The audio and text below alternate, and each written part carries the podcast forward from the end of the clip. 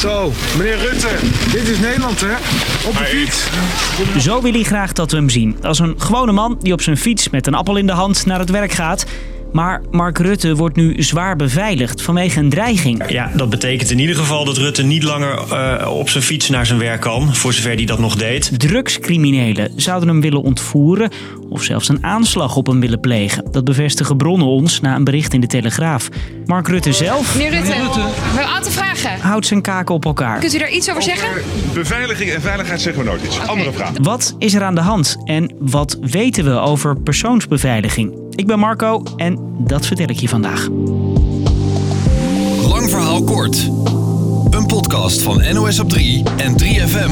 Allereerst een disclaimer. Dit soort dreigingen en de beveiliging van personen, die info ligt niet op straat. We weten niet alles en dat is met een reden natuurlijk de veiligheid. Wat we wel weten is dat er dreigingen zijn van drugscriminelen richting VVD'er Mark Rutte, vertelt misdaadverslaggever Remco Andringa. Ja, die zou dus komen uit de hoek van de georganiseerde misdaad. Uh, de Telegraaf uh, heeft het uh, specifiek over personen die zijn gelieerd aan de mokromafia.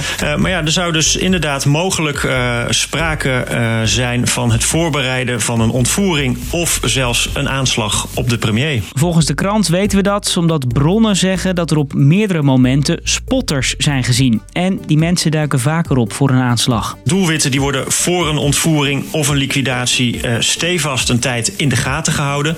Je komt dat eigenlijk in, uh, in iedere uh, liquidatiezaak weer tegen. het zou ook voor de moord op Peter R. de Vries weer gebeurd zijn. En dat in de gaten houden zou dus nu mogelijk ook aan de hand zijn geweest bij Mark Rutte. En ja, dan gaan natuurlijk alle alarmbellen af. Drugscriminelen zouden willen laten zien wie de baas is, zegt de politiebond. Wat ze willen, willen bereiken is dat ze de rechtsstaat willen verstoren. Want die rechtsstaat is hun grote vijand, want die kan hun oppakken. Hoe Rutte nu beveiligd wordt is niet bekend, maar je kunt wel wat inschatten, zegt Remco. Als je zwaar wordt beveiligd, en dan mag je echt wel van uitgaan bij zo'n serieuze dreiging, dan heb je dag en nacht zwaar bewapende politiemensen om je heen. Wordt iedere stap die je zet vooraf in kaart gebracht. Zware beveiliging moet dus erge gevolgen voorkomen. Maar wanneer beslist wie dat mannen met kogelvrije vesten en oortjes je constant volgen?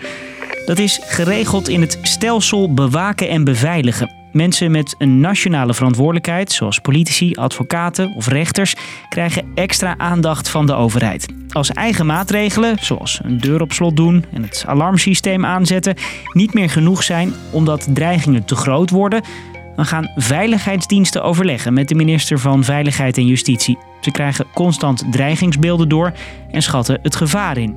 Als de dreiging groot is en grote schade kan ontstaan of de maatschappij flink ontwricht kan raken, dan wordt de beveiliging opgeschroefd. De politie kan vaker langs het woonhuis rijden van de bedreigde bijvoorbeeld. En in zware gevallen moet je de hele dag beveiliging met je mee.